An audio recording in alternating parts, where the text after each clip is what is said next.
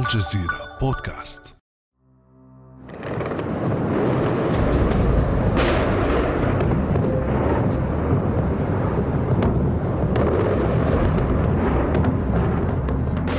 على وقع صوت القذائف المنهمرة من السماء تجاه العاصمة العراقية بغداد بدا الرئيس الأمريكي الأسبق جورج بوش الإبن واثقا أمام كاميرا ثابتة حين أعلن ما اعتبره تحرير الشعب العراقي من حكم صدام حسين من أجل أحلال الديمقراطية والسلام والاستقرار في العراق.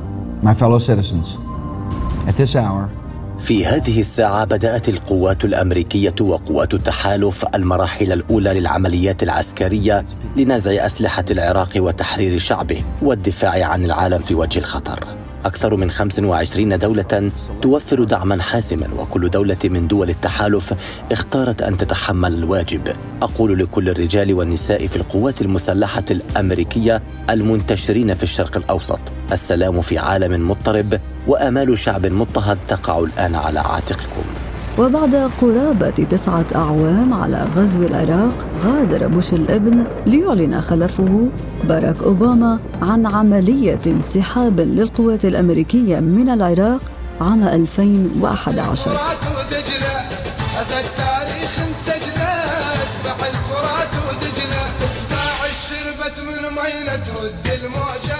وعلى مدار السنوات الماضية توالت انسحابات قوات التحالف من العراق وكان أغلبها بشكل جزئي إلى أن أعلن الرئيس الأمريكي جو بايدن في يوليو الماضي أن بلاده ستنهي مهمتها القتالية في العراق مع حلول نهاية العام الجاري على أن يستمر عدد من قواتها في تدريب الجيش العراقي وإمداده بالاستشارات العسكرية.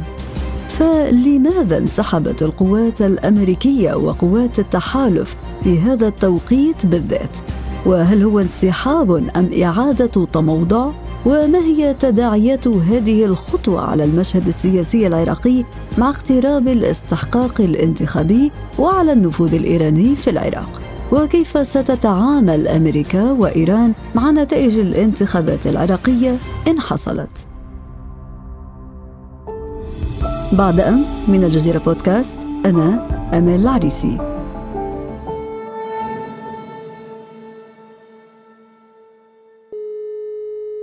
وضيف حلقتي لهذا اليوم البروفيسور عبد الجبار أحمد العميد السابق لكلية العلوم السياسية في جامعة بغداد. أهلا بك دكتور عبد الجبار.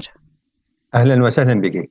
بداية دكتور عبد الجبار لنحدد ما الفرق بين انسحاب القوات الأمريكية عام 2011 وانسحاب 2021 بعد التحية لجنابك وللمستمعين الكرام المقارنة بين انسحابين للقوات الأمريكية يحتاج أن نحدد مجموعة نقاط. في 2011 نستطيع أن نقول كانت هناك يعني صورة واضحة ووضوح في الرؤية لحكومة السيد المالكي أثناء مطالبته القوات الأمريكية بالانسحاب من العراق. وهذا الوضوح نتج عنه مجموعة مفاوضات ثنائية مباشرة وغير مباشرة، نتج عنه اتفاقيتين. الأولى نظمت عملية الانسحاب اللي انتهت فعليا من الناحية القانونية في 2011 والثانية اللي سميت الإطار الاستراتيجي اللي هي ما زالت من الناحية القانونية نافذة حتى هذه الساعة. هذا النقطة الأولى. النقطة الثانية هي أيضا نفس إدارة الديمقراطيين التي كانت تحكم الولايات المتحدة الأمريكية هي نفسها التي تتفاوض اليوم بحوار استراتيجي حول الانسحاب. ثانيا في 2011 كانت هناك نصوص واضحة لاتفاقيتين.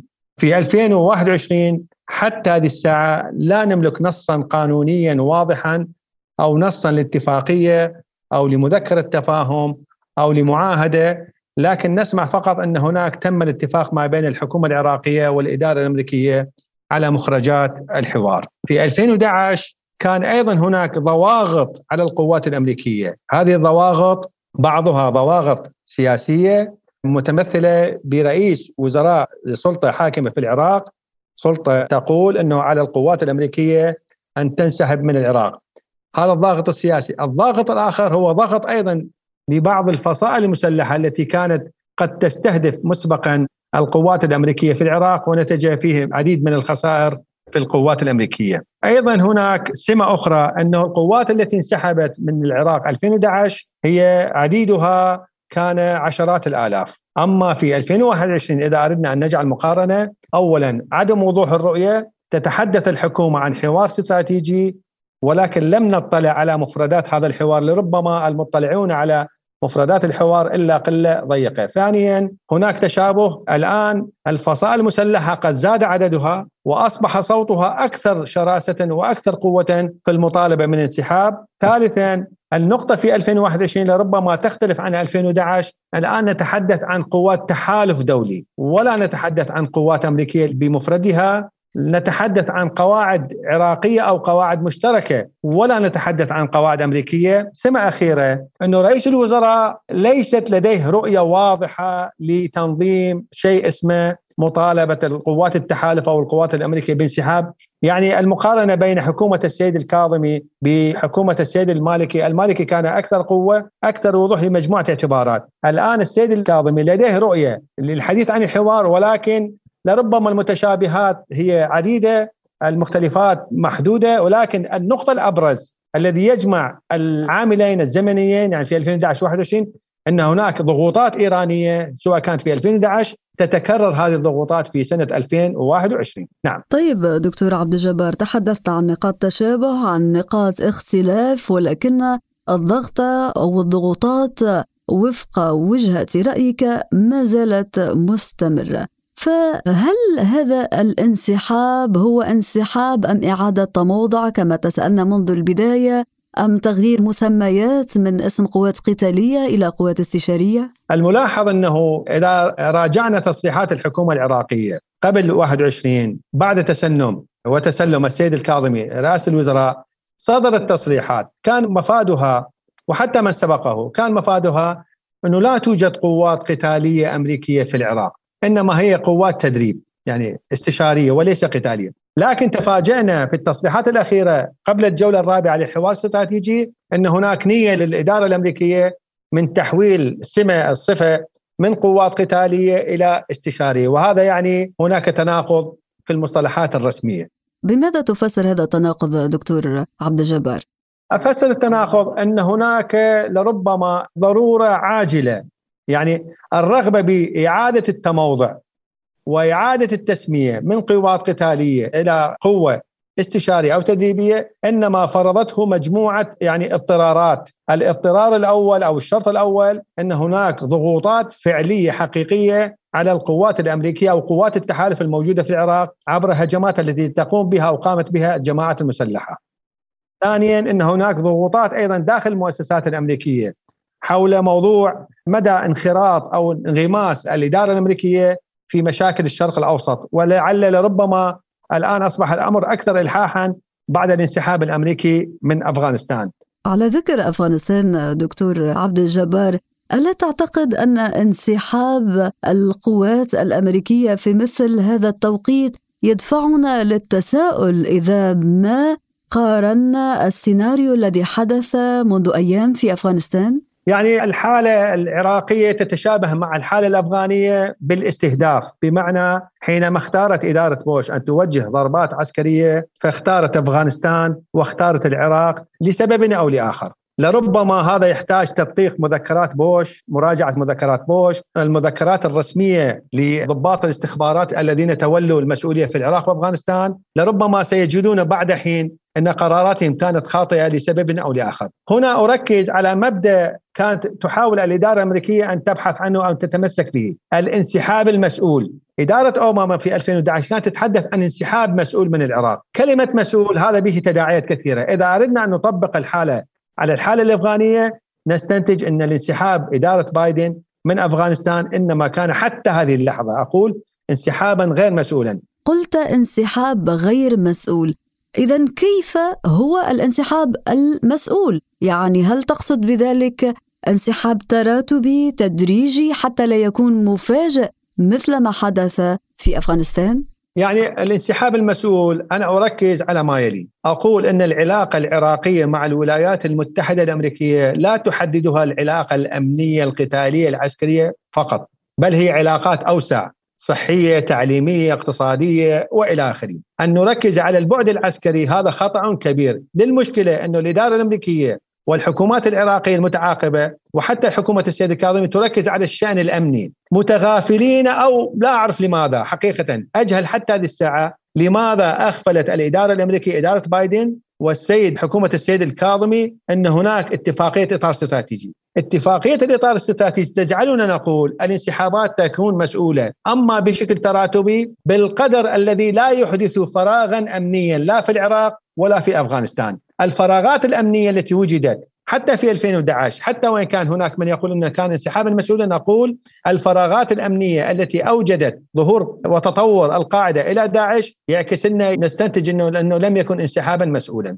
الآن في العراق إذا أردنا أن نتحدث عن مثلا عن موقف سياسي واحد من القوات التحالف أو القوات الأمريكية لابد أن يكون يعني رؤية مسؤولة قبل أن نتحدث عن انسحاب مسؤول الرؤية المسؤولة تفترض وتشترط وحدة القرار السياسي وتلاحم الجسد السياسي في العراق وتجاوز الانقسامات لأنه حتى هذه الساعة هناك انقسامات في الكتل السياسية وفي المكونات من الانسحاب الأمريكي. بعض لا يؤيد الانسحاب البعض الآخر يستقبل على ضرورة الانسحاب. هذا يعكس لنا أن هناك انقسام.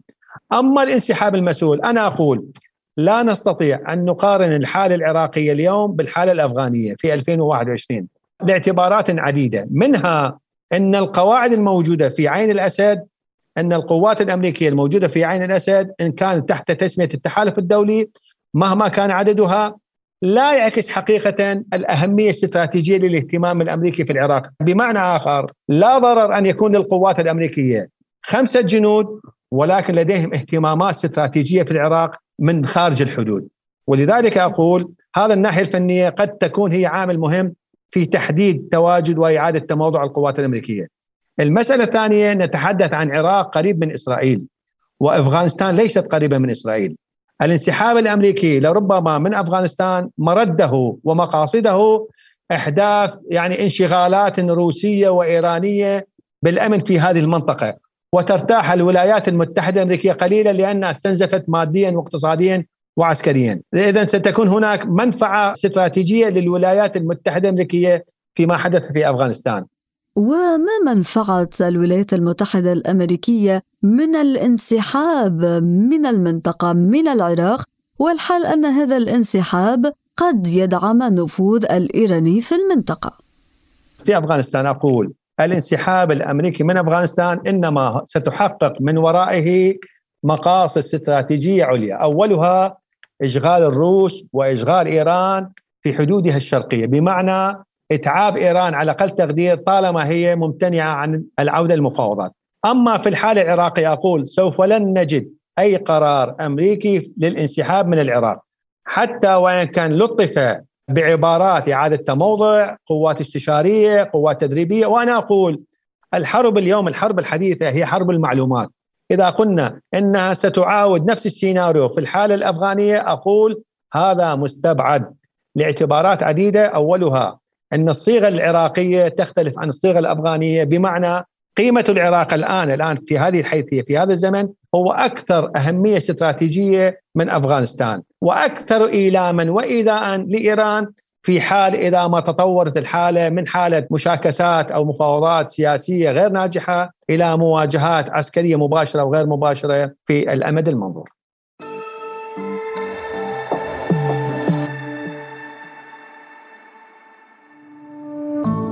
ابقى على تواصل مستمر مع الجزيرة بودكاست ولا تنسى تفعيل زر الاشتراك الموجود على تطبيقك لتصلك الحلقة يومياً.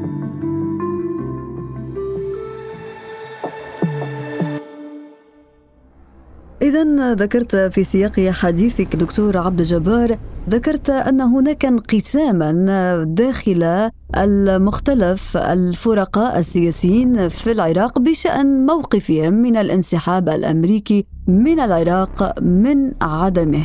وبالتالي هذا يقودنا إلى الحديث عن تصريح الرئيس الامريكي جو بايدن الذي بدا متفائلا اثناء استقباله لرئيس الوزراء العراقي مصطفى الكاظمي في واشنطن وتعهدي له بالانتقال نحو مرحلة جديدة من التعاون الأمني والعسكري مع الحكومة العراقية وتأجيل الخروج الكلي والنهائي للقوات الأمريكية في العراق. نحن ندعم تقوية ديمقراطية العراق وحريصون على التأكد من أن الانتخابات ستعقد في أكتوبر. ونحن ملتزمون أيضا بتعاوننا الأمني. قتالنا المشترك ضد داعش مهم لاستقرار المنطقة وتعاوننا في مكافحة الإرهاب سيستمر حتى مع الانتقال نحو هذه المرحلة الجديدة التي سنتحدث عنها. دكتور عبد الجبار كيف يمكن أن يؤثر هذا التصريح للرئيس الأمريكي جو بايدن بما تضمنه كما يبدو من توجهات ومواقف سياسية على المشهد السياسي العراقي في أكتوبر القادم تشرين الأول الموعد المرتقب للانتخابات النيابية العراقية؟ يعني السيد بايدن يحاول التركيز على قيمة استراتيجية عليا. مفادها أنه من الضروري أن تجرى الانتخابات في العاشر من اكتوبر القادم لاعتبارات عديدة، أولها أنه محاولة تقوية حكومة السيد الكاظمي وإمكانية إظهاره على أنه استطاع أن يقدم شيئا ايجابيا في صعيد تقوية بناء الدولة وقوة الدولة وتقوية مؤسسات الحكومة العراقية، وهذا الخيار الاستراتيجي لعل انه توجد إمكانية لتجديد ولاية السيد الكاظمي لما بعد الانتخابات حتى وإن كان الكاظمي قد أعلن عدم مشاركته في الانتخابات لكن مثل ما نعلم حسب النص الدستوري في المادة 76 من الممكن أن يكلف السيد الكاظمي إذا كانت هناك كتلة كبيرة برلمانية تدعم هذا التكليف وهذه إحدى الخيارات المطروحة. ثانيا تحاول الإدارة الأمريكية إظهار السيد الكاظمي إنه استطاع أن يحقق شيء. من خلاله يستطيع السيد الكاظمي يقول للكتل السياسية العراقية ويقول للجماعات المسلحة التي تستهدف هذه القوات بأنني استطعت أن أحرز لكم أن أكسب لكم جدوله للانسحاب الأمريكي وتحويلها إلى قوات استشارية. ولن تكن هناك عمليات قتالية أمريكية داخل الحدود العراقية واتجاه أي دولة، تجاه أي فصيل، تجاه أي مكون. إلى آخره، وهذا بمعنى يعتبر مكسب، اذا تعالوا نتعاون سوية في سبيل إجراء انتخابات وباعتبار إنه المناخ الأمني سوف يكون مناسبا لإجراء انتخابات في 10 10 وهل برأيك المناخ الأمني والسياسي سيكون مناسبا لإجراء هذه الانتخابات؟ وأنت تتابع الشأن العراقي دكتور عبد الجبار. هناك دعوات لتأجيلها إلى أبريل المقبل. هناك من يدعو لتأجيلها لاعتبارات فنية وهناك من يدعو لتأجيلها لاعتبارات سياسية وهناك من يدعو لتأجيلها لاعتبارات أمنية. لكن أقول كل هذه الاعتبارات تجعلنا القول إنه لربما أقول المناخ الأمني هو الأكثر خطورة، المناخ الأمني حتى هذه الساعة لربما نتمتع باستقرار لكن تسمى في الأدبيات السياسية بالاستقرار النسبي المؤقت، لكن طبيعة هذا الاستقرار كلما اقتربنا من موعد انتخابات في 10 أكتوبر كلما اشتد الصراع، وسيشتد الصراع أكثر حين إذا أجريت انتخابات في 10 10 وننتظر نتائجها، وحينئذ في انتظار النتائج ستكون الصراعات أشد، وفي تلك اللحظة تجعل نستطيع أن نقول نتوصل إلى معادلة، ليس العلة في تأجيل الانتخابات، قد تكون هناك مصلحة في إجرائها. وقد تكون هناك مصلحة أيضا في تأجيلها. من يحدد طبيعة هذه المصلحة هو ما يلي. اولا هل تمتلك الحكومة العراقية المقومات الأمنية والعسكرية والقتالية والاستخبارية اللازمة لأن تمنع ما يلي؟ واحد إصابات داعش. ثانيا هجمات الجماعات المسلحة. ثالثا هجمات العصابات الجريمة المنظمة. رابعا توفر الطاقة الكهربائية المناخ الصحي وليس فقط نتحدث عن مناخ أمني. في المتبقي في هذه المدة لا أعتقد أن الحكومة العراقية تملك هذه المقومات. نعم المفوضية استطاعت أن تحقق مكسبا تقدما من النواحي الفنية لكن من يعطل إجراء انتخابات أقول هو النواحي الأمنية والسياسية. ولكن هذه الدعوة لعقد قمة دول الجوار التي أطلقها الكاظمي لا يمكن أن يكون لها دور في ملء الفراغ الأمني والسياسي في العراق؟ يكون كذلك تكون نتائج هكذا حوارات هكذا مؤتمرات إقليمية عندما تتوافر لها الشروط المناسبة. أنا أقول ما يلي وبتواضع طالما أن الملف العراقي هو ليس فقط نتاج تأثيرات وتدخلات إقليمية فقط بل هو نتاج اللي نسميهم أصحاب المشروع الدولي أصحاب القرار في المجتمع الدولي.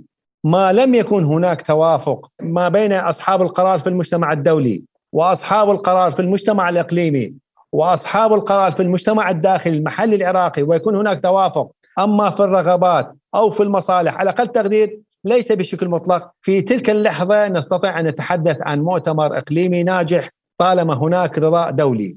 ولكن ما قيمة هذا المؤتمر الإقليمي في هذا التوقيت. يحتاج إلى مسائل لوجستية إلى تفاهمات يحتاج أن يسبق هذا المؤتمر الإقليمي إلى تفاهمات محلية داخلية والتفاهمات المحلية الداخلية هي ليست تلك التفاهمات التي تظهر في إطار الشو في إطار الميديا أو وسائل التواصل الاجتماعي الحكومية وغير الحكومية. لا. وربما دكتور عبد الجبار يحاول رئيس الوزراء العراقي الكاظمي إضافة إلى ما قلت أنه يحاول أن يقوم بمكسب أنه كان طرفا في المفاوضات المتعلقة بمغادرة الجنود الأمريكيين لبلاده وأيضا مكسب آخر هو عقد هذا المؤتمر وما يروج له من مكاسب قد يحصدها من انعقاده، أليس كذلك؟ يعني قد تكون هذه أيضا مبادرة إيجابية من قبل السيد الكاظمي ولكن نتحدث بإطار التحليل الواقعي. أي مؤتمر إقليمي يخص العراق لابد أن يكون هناك مستلزمات وشروط، اولا من حيث التوقيت سوف لا يجدي نفعا، ثانيا ما قيمة المؤتمر؟ المؤتمر يحتاج إلى اتخاذ قرارات. وعلينا حينما نتحدث عن اتخاذ قرارات لابد أن يحضروا رؤساء الدول. رؤساء الدول حينما يحضرون لابد أن نقارن أيضا. هناك مصلحة تركية ومصلحة إيرانية مثلما هناك مصالح عربية. على ذكر المصلحة الإيرانية، هل سيكون لإيران دور في تسمية الوزراء العراقيين بعد الانتخابات القادمة إن أجريت في موعدها؟ إن أجريت في موعدها سيكون هناك هذه المرة أدوار متعددة لتسمية رئيس الوزراء، أما بالنسبة للوزراء قد يكون هناك يعني يتم تدخل الكتل السياسية، زعماء الكتل، لكن رئيس الوزراء حتما فيه جزء لصناديق الانتخاب، جزء آخر إلى التدخلات الإقليمية الإيرانية، السعودية ودول أخرى، والأهم هو أيضا ما هو موقف الإدارة الأمريكية، أنا أعتقد في رأيي المتواضع والقاصر إن اجرت انتخابات ستكون هناك اشتداد في تدافع وتصارع المصالح. بمعنى رئيس الوزراء القادم إذا كتب له أن يكرر مرة ثانية لولاية ثانية هذا يعني هناك رسم خارطة إقليمية جديدة مفادها إدماج العراق في البيئة العربية على حساب إيران. ولكن ماذا لو حصل العكس ورحل الكاظمي بمقتضى نتائج الانتخابات؟ ما هي خيارات واشنطن في هذه الحالة؟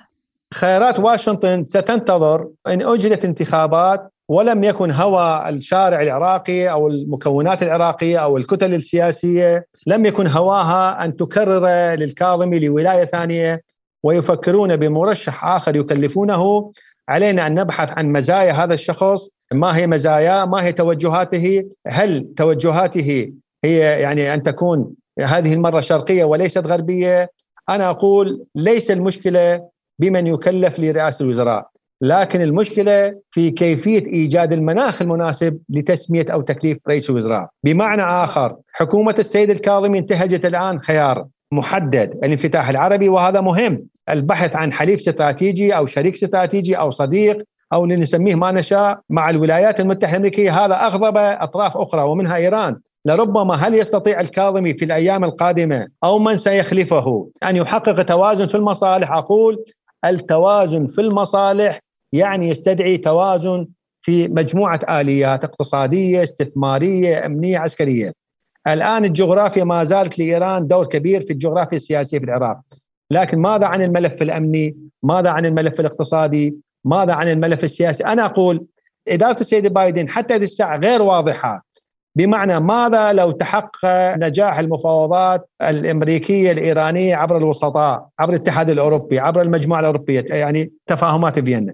ماذا لو تحقق التفاهم؟ هل سيكون العراق هو الرابح؟ قد يكون رابح بشكل جزئي، لكن قد يكون هو الضحية الكبرى أو الأكبر من هكذا تفاهمات. لذلك ليس الموضوع فقط يقتصر على من هو رئيس الوزراء لكن ما هي رؤيته؟ إذا كان يتخلى عن تفاهماته عن حوار استراتيجي مع الولايات المتحدة الأمريكية ويتجه باتجاه الروس أو باتجاه إيران أو باتجاه الصين حتما هذا سيستدعي مجموعة التزامات أمريكية تجاه ما يحدث في العراق سواء التزامات أو عقوبات اقتصادية أو مالية. مع التأكيد في رأيي المتواضع والقاصر أقول إن الولايات المتحدة الأمريكية لن تنسحب سواء كانت إدارة جمهورية أو إدارة ديمقراطية سواء كان رئيس الوزراء هو الكاظمي أو من يخلفه بأي اسم كان سوف لن تنسحب من العراق في هكذا توقيتات. شكرا لك البروفيسور عبد الجبار أحمد العميد السابق في كلية العلوم السياسية في جامعة بغداد على كل هذه التوضيحات. شكرا جزيلا شكرا. كان هذا بعد أمس.